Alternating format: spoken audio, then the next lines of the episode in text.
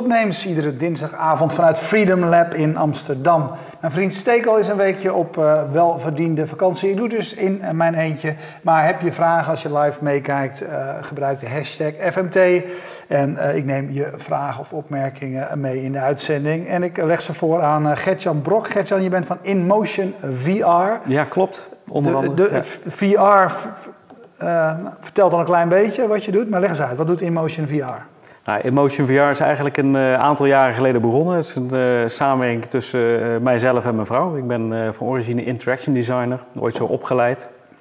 dankzij de MSX, die ik ooit op zevenjarige leeftijd voor het eerst heb aangeraakt. Um, en mijn vrouw die is psychosomatisch fysiotherapeut. En die kwam eigenlijk een aantal jaren geleden ooit eens in aanraking met een klant die het uh, waanzinnig uh, moeilijk vond om te visualiseren. En uh, die visualisatietechniek die gebruiken ze om mensen te laten ontspannen voordat ze verder de therapie ingaan. Ik had die dag net de DK1 van Oculus binnen en dat was voor mij een inkoppertje. Ik zeg van nou, ik heb vandaag die VR-bril opgehad van Oculus. En je waant je gewoon in een andere wereld. En ja, dat, dat beeld was toch een beetje wazig en het was niet helemaal comfortabel. Maar dat was wel het startpunt waarop we zeiden van nou, hier zit iets in en dat gaan we verder exploreren. En daar zijn we eigenlijk eh, de virtual reality wereld ingedoken met alle want, want, want leg er nog iets, iets meer uit. Dus er komt iemand bij jouw vrouw en dan? Mhm.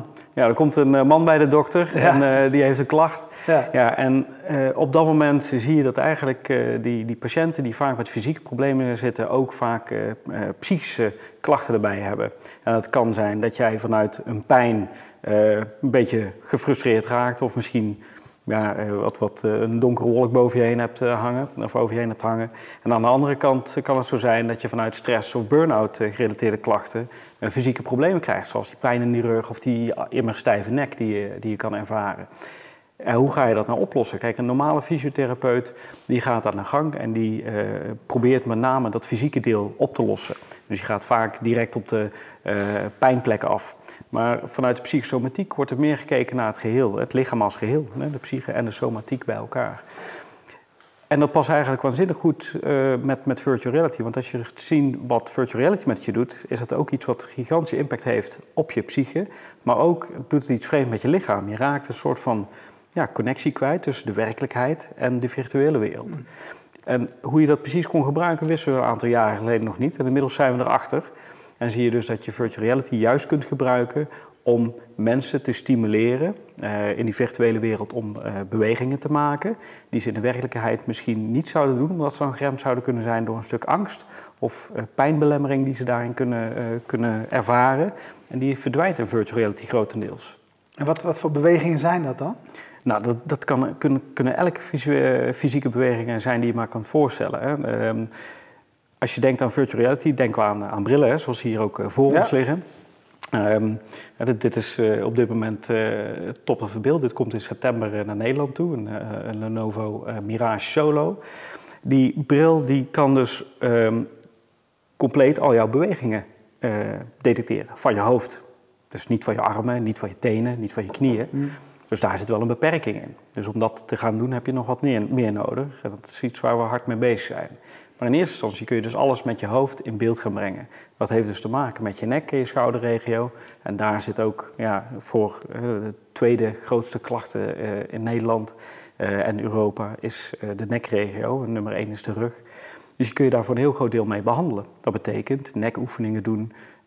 Dat zijn rotaties, flexies, lateral flexies, al dat soort uh, Want, want je hebt, je hebt, je hebt iets als dit op. Ja. En je krijgt dan een, een, een opdracht, een oefening voorgelegd. Nou, of, ja, of loop je in de wereld en word je uitgedaagd om die, die beweging te maken? Ja, natuurlijk het laatste. Het, hetgene wat de therapeut normaal gesproken moet doen, is een hele hoop communiceren. Wat hij van jou verwacht. Ja. Beweeg naar links, beweeg naar rechts, omhoog, omlaag.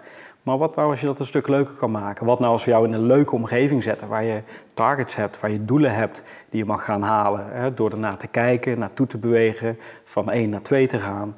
Um, en die omgevingen, ja, dat is eindeloze combinatie je kunt maken. Of je nou in een ruimtestation zit, naar sterren zit te kijken... of op een weilandje uh, geitjes uh, op de achtergrond ziet... en met een bijtje aan het vliegen bent. die variatie die maakt het A, leuk. Ja, dus dat is dat mensen veel meer betrokken zijn bij die inhoud. Mhm. En dat ze dus ook nog veel beter die bewegingen opvolgen en direct positieve feedback krijgen over of ze het goed doen of niet goed doen. En dat is iets wat natuurlijk met een therapeut ook nog lastig is.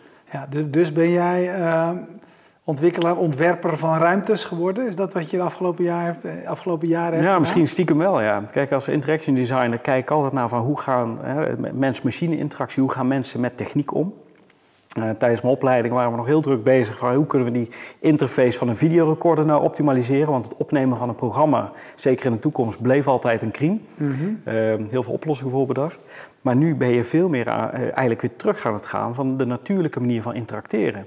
Dus hoe wij al gewend zijn om in de werkelijke wereld ja, een glas op te pakken, iets aan te raken, iets te draaien, iets te verplaatsen. Zo hebben we het eigenlijk in de digitale wereld jarenlang afgeleerd. Want we moesten in één keer knopjes gaan drukken.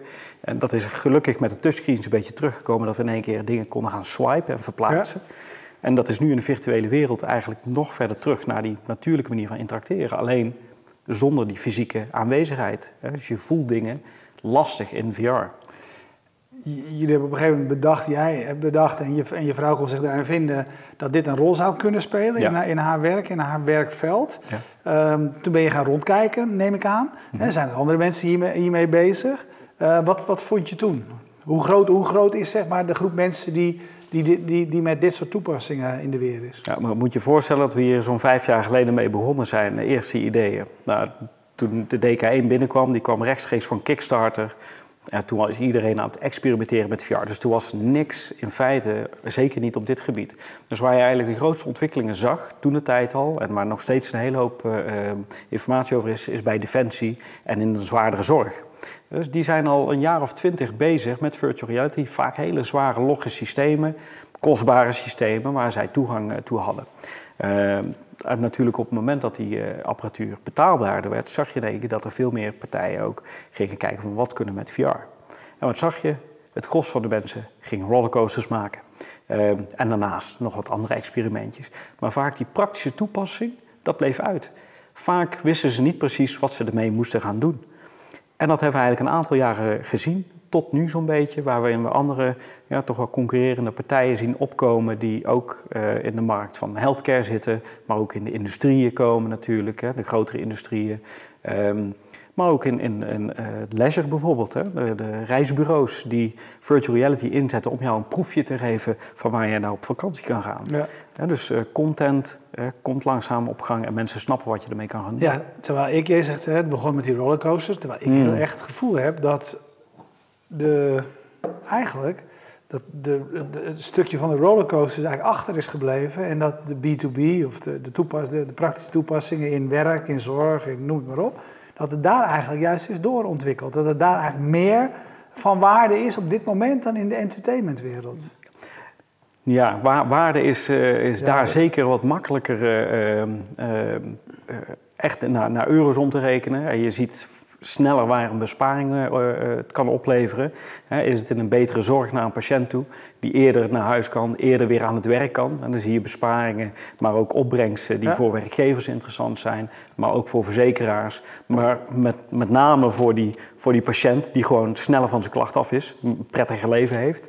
Um, aan de andere kant, als je gaat kijken naar de industrieën, dan is bijvoorbeeld het voorkomen van fouten door mensen, doordat ze vaker kunnen oefenen in VR. Nou, er is één industrie die al sinds jaren en dag daarin zit natuurlijk, is eh, de aviatie, de, de luchtvaartindustrie. Ja? Waar mensen, en ik hoorde laatst nog iemand zeggen, die zei van joh, dan betalen ze 30 miljoen euro voor zo'n simulator. Dat is toch van de dolle veel te veel geld. Zeg maar, ja, het is simpelweg veel te kostbaar om een vliegtuig keer op keer neer te laten storten. Ja. Oh ja, oh ja. ja dus die kosten-batenanalyse, die is daar op zich wel heel makkelijk eh, te maken. Uh, want de waarde ten opzichte van een uh, echt vliegtuig neer laten die is heel simpel. Maar ook een uh, apparaat waarbij nieuwe procesoperators bijvoorbeeld met een machine aan de gang gaan of een nieuwe machine aan de gang gaan, ja, die hebben in die eerste periode waarmee ze ermee werken de grootste foutmarge erop zitten. Omdat ze gewoon echt nog niet precies weten hoe die machine werkt. Door ze dat in VR te laten beleven, kun je eigenlijk dat hele proces inkorten en dan kun je ze uh, met een veel veiliger hart uh, aan het uh, echt apparaat zetten. Wat heeft tot nu toe weerhouden dat het eigenlijk echt een, een consumentensucces is geworden? Content. content. De prijs natuurlijk ook deels. Hè. Je ziet de, de Oculus en de Vive met ieder zo'n zo ongeveer half miljoen stuks brillen die ze verkocht hebben. Ehm, wat zwaarder. Hè. We hebben echt een goede gaming PC nodig. Dus die early adopters die, die, die pakken dat wel. Hè. Die pakken die eerste paar leuke spelletjes op. Mm Doom, wat in VR gemaakt wordt, niet helemaal lekker, maar het, het kan. Dus doen ze dat. Aan de andere kant zie je uh, een partij zoals Samsung natuurlijk, die die mobiele markt uh, uh, voor een groot deel heeft proberen te pakken. Ruim 5 miljoen van dat soort Gear VR sets, die ze grotendeels mee hebben geleverd, ook met hun mobiele telefoons. Mm Um, en daartussen nog natuurlijk allerlei cardboard uh, variaties. Denk ook aan uh, hier in uh, de Nederland, de Albert Heijn actie met de dino's ja. van Samhout. Ja, dat, dat, vind ik fantastisch mooie voorbeelden waarin je ziet dat op dat moment zo'n merk en ook het lef heeft, maar ook de techniek omarmt om te laten zien wat het echt kan betekenen voor, voor de consument. En ik vind het al enigszins jammer dat ze met zo'n kartonnen brilletje worden afgescheept. Eh, het comfort is daar natuurlijk eh, van verre van wat je van een wat luxere bril hebt. Maar het idee is er wel. Ze hebben die eerste ervaring. En dat het ook meer is dan alleen maar die rollercoaster eh, waar we het een paar keer over hebben gehad. Dus het komt, maar echt die, die systeemkillers die komen nog niet echt in beeld bij mensen. En het is natuurlijk heel lastig verkopen. Uh, ik vond het al vroeger altijd zo grappig dat je je oude tv had, een 4x3'tje met grote beeldbuis, CRT erachter. En dan werd daarop een commercial getoond van een nieuwe breedbeeldtelevisie. Ja. Op die slechte kwaliteit beeldbuis, hè, relatief gezien, die ik had, werd een goede kwaliteit beeldbuis getoond. En het werd gedaan door fantastisch mooie kleurrijke bloemen of pauwen of wat dan ook erop te mhm. tonen. Om me maar te overtuigen dat het beeld echt beter was. Uh, het is die perceptie. En dat is natuurlijk met VR nog een stap moeilijker. Je kunt het pas echt uh, waarderen op het moment dat je het een keer gedaan hebt. Het is zo anders dan al het andere wat je gedaan hebt. Dus, ja, tegelijkertijd, hè, ik ben met je... Ik, kom dichtst bij je Viewmaster ja. in de buurt, vandaar dat ik hem mee, mee heb Maar, weet je, ik, ik, volg het ook al jaren. En uh, tot nu toe is het ook nog heel erg, vind ik, een belofte geweest. Want als je het opzette, dacht je, oké, ik zie dat het ergens heen gaat. Ja. Maar zo moet ik er nog wel naar kijken. Hè? Ja. Dat was nog, tenminste, tot nu toe vond ik het nog heel vaak dat je dacht van... Uh, en het, zo heb ik ook andere mensen gehoord. Dus je zet hem op en mensen zijn onder de indruk, maar er is nog te weinig om, om hem later weer op te zetten. Ja. Ja. Gaan we nu, worden, er nog, worden er goede stappen gezet als het over de techniek gaat? Ja, er worden, worden, zeker goede stappen gezet. Kijk naar Sony, hè, die ook met de PlayStation VR ruim 1 miljoen stuks inmiddels al uh, op de markt heeft. Hoeveel daarvan bij de consumenten liggen, dat is nog altijd de vraag, hè, maar in ieder geval via de retail uh, weggezet. Um, en daar wordt serieus geld besteed aan uh, echt die entertainment kant. Dus uh, experiences die ook langer duren dan vijf minuten. En iets waar je terug kan komen. Levende omgevingen die ook meer bieden dan ja, dat ene simpele mechaniekje. En in, feite is het niks nieuws, want we, we, we, hebben het eigenlijk met, met alle media wel een keer meegemaakt. Ja, dan kregen we CD-ROM, hadden we Seven Guest, zeven cd'tjes waar hele beperkte video op stonden. En daar moesten we het mee doen. Het was leuk om eens aan je vrienden en familie te laten zien. Het spel was inhoudelijk niet sterk. En dat heb je zelden met VR nu. Hè? Dus je hebt heel veel content erop die even leuk is om te laten zien. we hebben zojuist ook een uh, paar korte demo's hier eventjes uh, gedaan samen. Ja, en dan denk je, oké, dit is het. En nu? Je blijft er geen uren in zitten. Nee. Nou, wat, je, wat je zegt, dat grappig is wat aan de hand is. Want er, er verscheen vandaag een artikel in de VPRO-gids over het begin van een site waar ik het meegewerkt. Die is nu 20 jaar oud, 3 voor 12. Ja, en toen hadden we nog 28K8 modem. En dat was breedband. We, hadden, we maakten toen programma's. En dan kon je afluisteren, het programma in 28K8 modem voor de ouderen onder ons. Of 14K4. En 28K8 was dan breedband, ja, zeg maar, ja, uh, audio kwaliteit. ik ken het ook nog. Dus, dus dat, in die tijd was het natuurlijk ook. Ik kon daar doorheen kijken. Ik dacht, oké, weet je wel, dit wordt straks beter. En nu zitten we naar Netflix te kijken. En het is prachtig beeld. En het buffert nooit. Het uh, werkt altijd. Uh, ik vind het nog steeds fascinerend dat dat kan. Ja. Maar zo, zo moet je het ook zien. Als ja, en je ziet natuurlijk dat er heel veel partijen ook op het gebied van techniek volop bezig zijn om die VR-experience te verbeteren. Hey, worden die brillen ooit kleiner of niet? Ja, zeker. Ja, die, brillen, die brillen die verdwijnen dadelijk grotendeels. als je kijkt, zo'n bril als deze ruim 600 gram is. Dat is best een gewicht. Hè? Een, ruim een half pak suiker op je hoofd wat, je, wat je mee zult. Vandaar dat ze allemaal mooie constructies verzinnen om het gewicht wat beter te verdelen. Ehm, maar kijk zo naar, naar brillen zoals Magic Leap, waar potentieel Apple mee bezig is. Die dat natuurlijk uh, naast zich achter de schermen verborgen houdt, zoals Apple daar goed in is. 2020 mee op de markt wil komen. Dan zie je wel dat de komende jaren wel de tendens is, waar Mark Zuckerberg ooit heeft gezegd, van nou, de VR-brillen van de toekomst, die gaan eruit zien uh, zoals een normale bril. dus die ehm, perceptie die is al, die is al ingezet. Dus daar gaan we ook wel naartoe. Ja. als we even teruggaan naar, naar, naar, naar, jullie praktische toepassing in het werk van, van je vrouw. Je hebt het mhm. bedacht en dit kan een rol spelen. Uh, ja, hoe hebben mensen erop gereageerd? Wat hebben jullie gedaan en, en wat zijn de resultaten? Mhm. ja, de, de, mensen die reageren fantastisch positief op. Uh, A, dachten wij van nou, zal het een positieve reactie zijn? A, omdat het alleen maar nieuw is. Uh, maar ze zien gewoon de waarde erin. De patiënt ziet de waarde erin. Die zegt van nou, ik vind het in één keer leuk om mijn, mijn oefeningen te doen, die normaal gesproken lastig zijn, of ik weet niet meer precies hoe ze moeten. Dus ook in de mhm. thuissituatie heb ik in één keer veel meer begeleiding dan normaal. Um, voor die therapeut is het aan de andere kant interessant. Die kan in één keer meer creativiteit in zijn uh, training stoppen. Want de vraag die wij wel stelden aan therapeuten was van nou, hoe zou je nou jouw optimale therapie geven? Ja, dan is dat helaas niet in hun praktijkruimte die beperkt is. Dan gaan ze liever met die patiënt naar buiten toe, of cliënten, want het zijn niet allemaal patiënten in die zin, of naar thuis, of het bos in, of naar, naar het strand. Ja. een situatie die alles behalve een praktijk is. Dan komt zo'n patiënt bij die praktijk eh, binnen, die praat met die, eh, met die therapeut, die krijgt die bril op en die is in één keer even los van die uh, dagelijkse beslommeringen die ze hebben. En dat ervaren ze ook als positief. Dus ze hebben echt in één keer even een uitstapje gemaakt.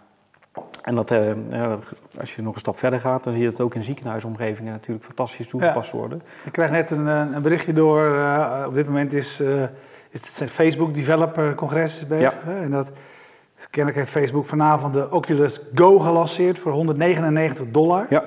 En alle 5000 developers in de zaal krijgen er één mee naar huis. Dus uh, er zijn in ieder geval 5000 developers die enthousiast gemaakt worden. Zijn er 5000 blij. Om, ja. uh, om, hier dingen mee te, mee te gaan Helpt natuurlijk, hè? die prijs uh, omlaag brengen zorgt er ook voor dat ja, als je zo'n toestel dat hier hebt 400 euro kost of 200 euro ja, als, als consument zou ik ook wel zeggen van nou voor die 200 euro, daar, daar kan ik nog een potje breken, dat wil ik nog wel eens uittesten.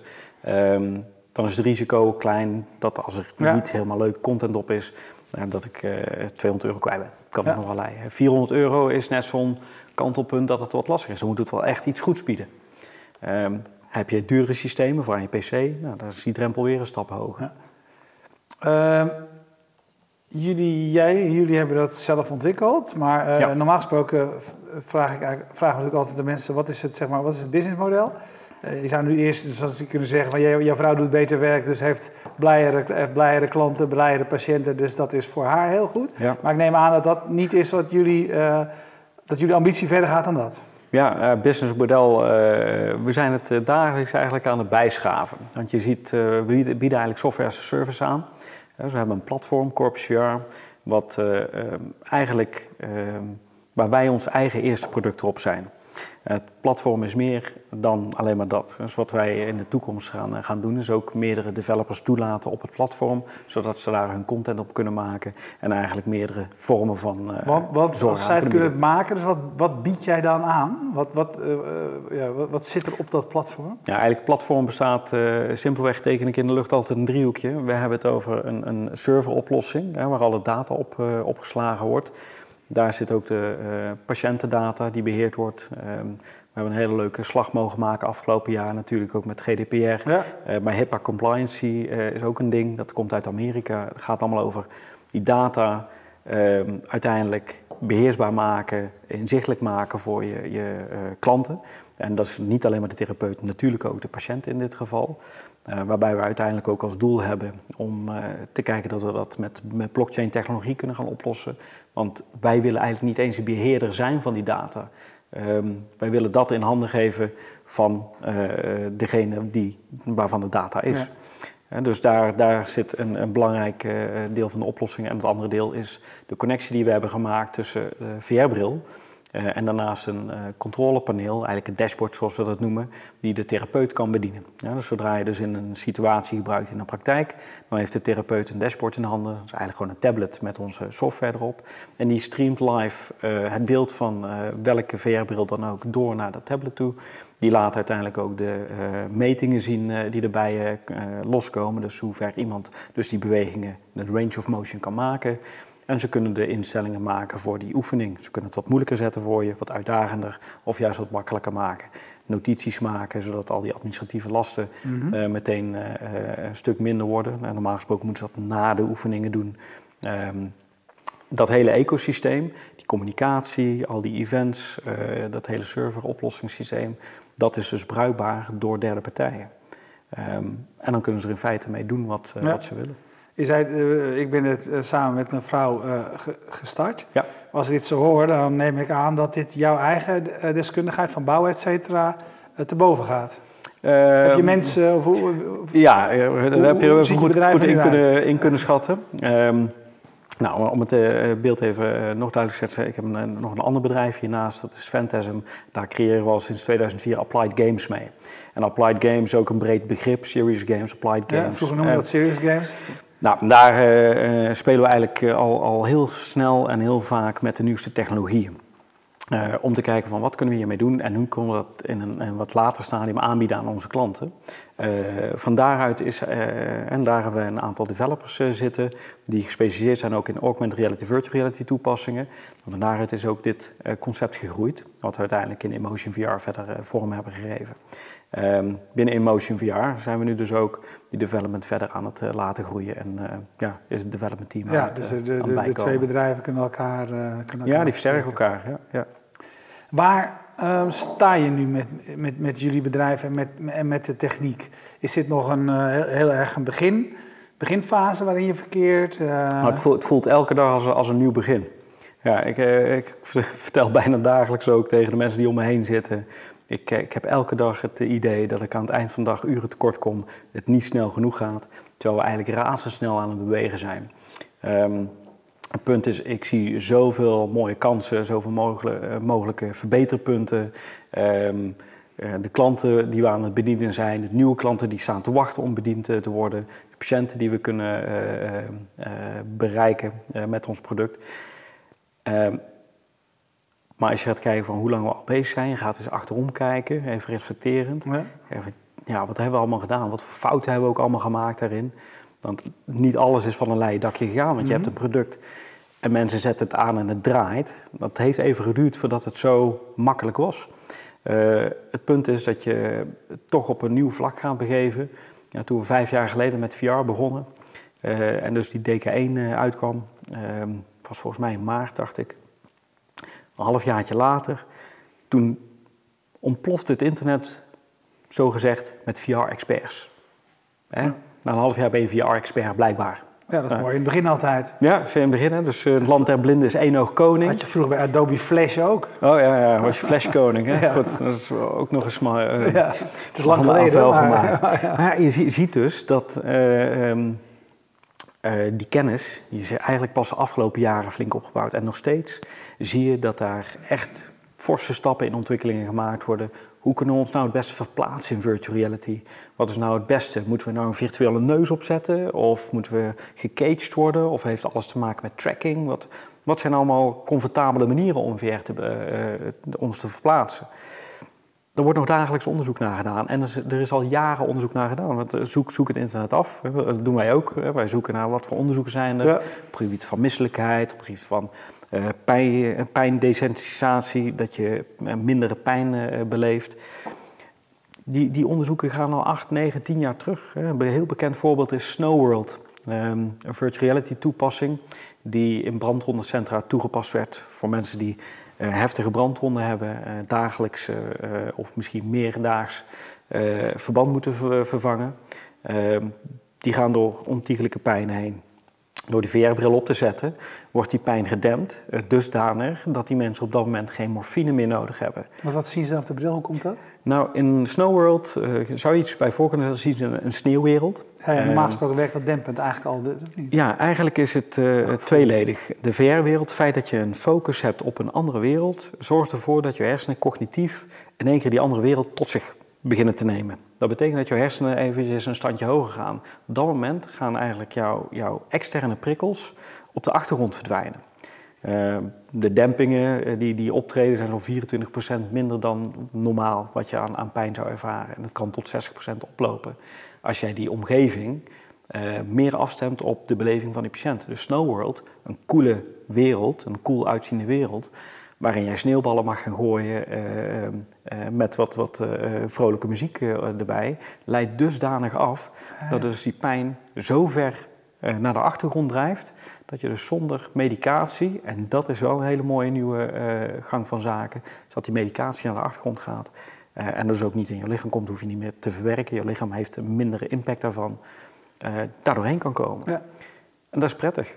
En ook bij mensen die bijvoorbeeld aan dialyse zitten, die hebben datzelfde.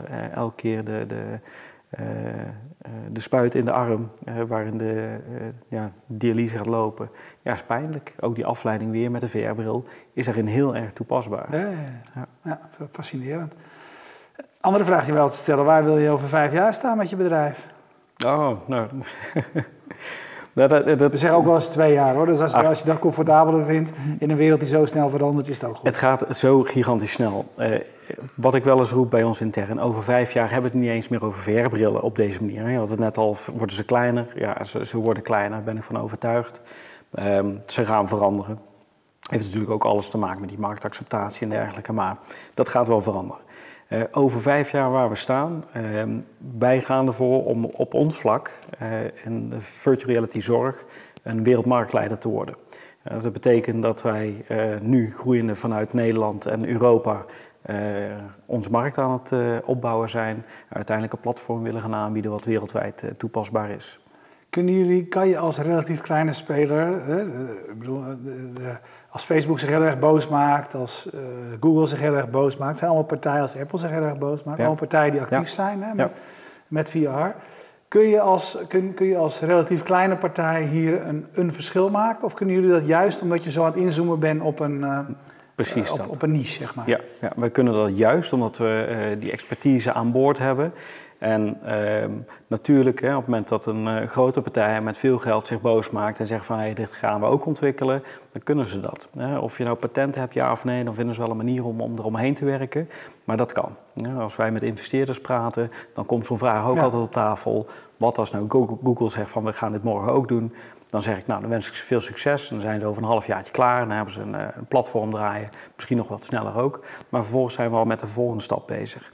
En waar wij geen ballast van hebben, is hardware. wij zijn als softwareplatform uh, hardware-agnostisch. Dat betekent dat we eigenlijk alle brillen konden ondersteunen uh, die wij op dat moment goed achten. Maar ook andere systemen die bij VR een, uh, VR een heel belangrijke beleving geven. Zoals sensoren op het lichaam, handschoenen, specifieke medische controllers die in uh, neurotherapie gebruikt kunnen worden. Uh, dat pakken zij niet mee. En dat is wel het spectrum waar wij in zitten. Ja, ja daar maakt het verschil. Ja, nou mooi. Heel ontzettend uh, veel, veel succes. Dankjewel. Dankjewel uh, voor de uitnodiging. Je hebt allemaal mooie voorbeelden genoemd die mij uh, weer op een prettige manier overtuigen. Want een, een, klein beetje cynisch ben ik ook wel eens met die brillen. Maar als ik jou zo vertellen, dan denk ik dat is ten onrechte. Nou ja, dat is, eh, dat is in ieder geval goed om te horen. ja, nou, dankjewel. Dus dankjewel. Jullie bedankt voor het kijken. We bedanken zoals altijd Bier Co. voor eh, de biertjes, PQR voor de hosting van de website, Jetstream voor uh, de livestream en Freedom Lab van waaruit wij uitzenden voor de gastvrijheid, voor de ruimte. Kijk je live, blijf kijken, want zo direct praten over de blockchain. Uh, kijk je on demand, dan weet je dat je die uitzending daar kunt zien. En uh, in ieder geval, volgende week is mijn vriend Stekel er ook weer. Dankjewel. Thank you.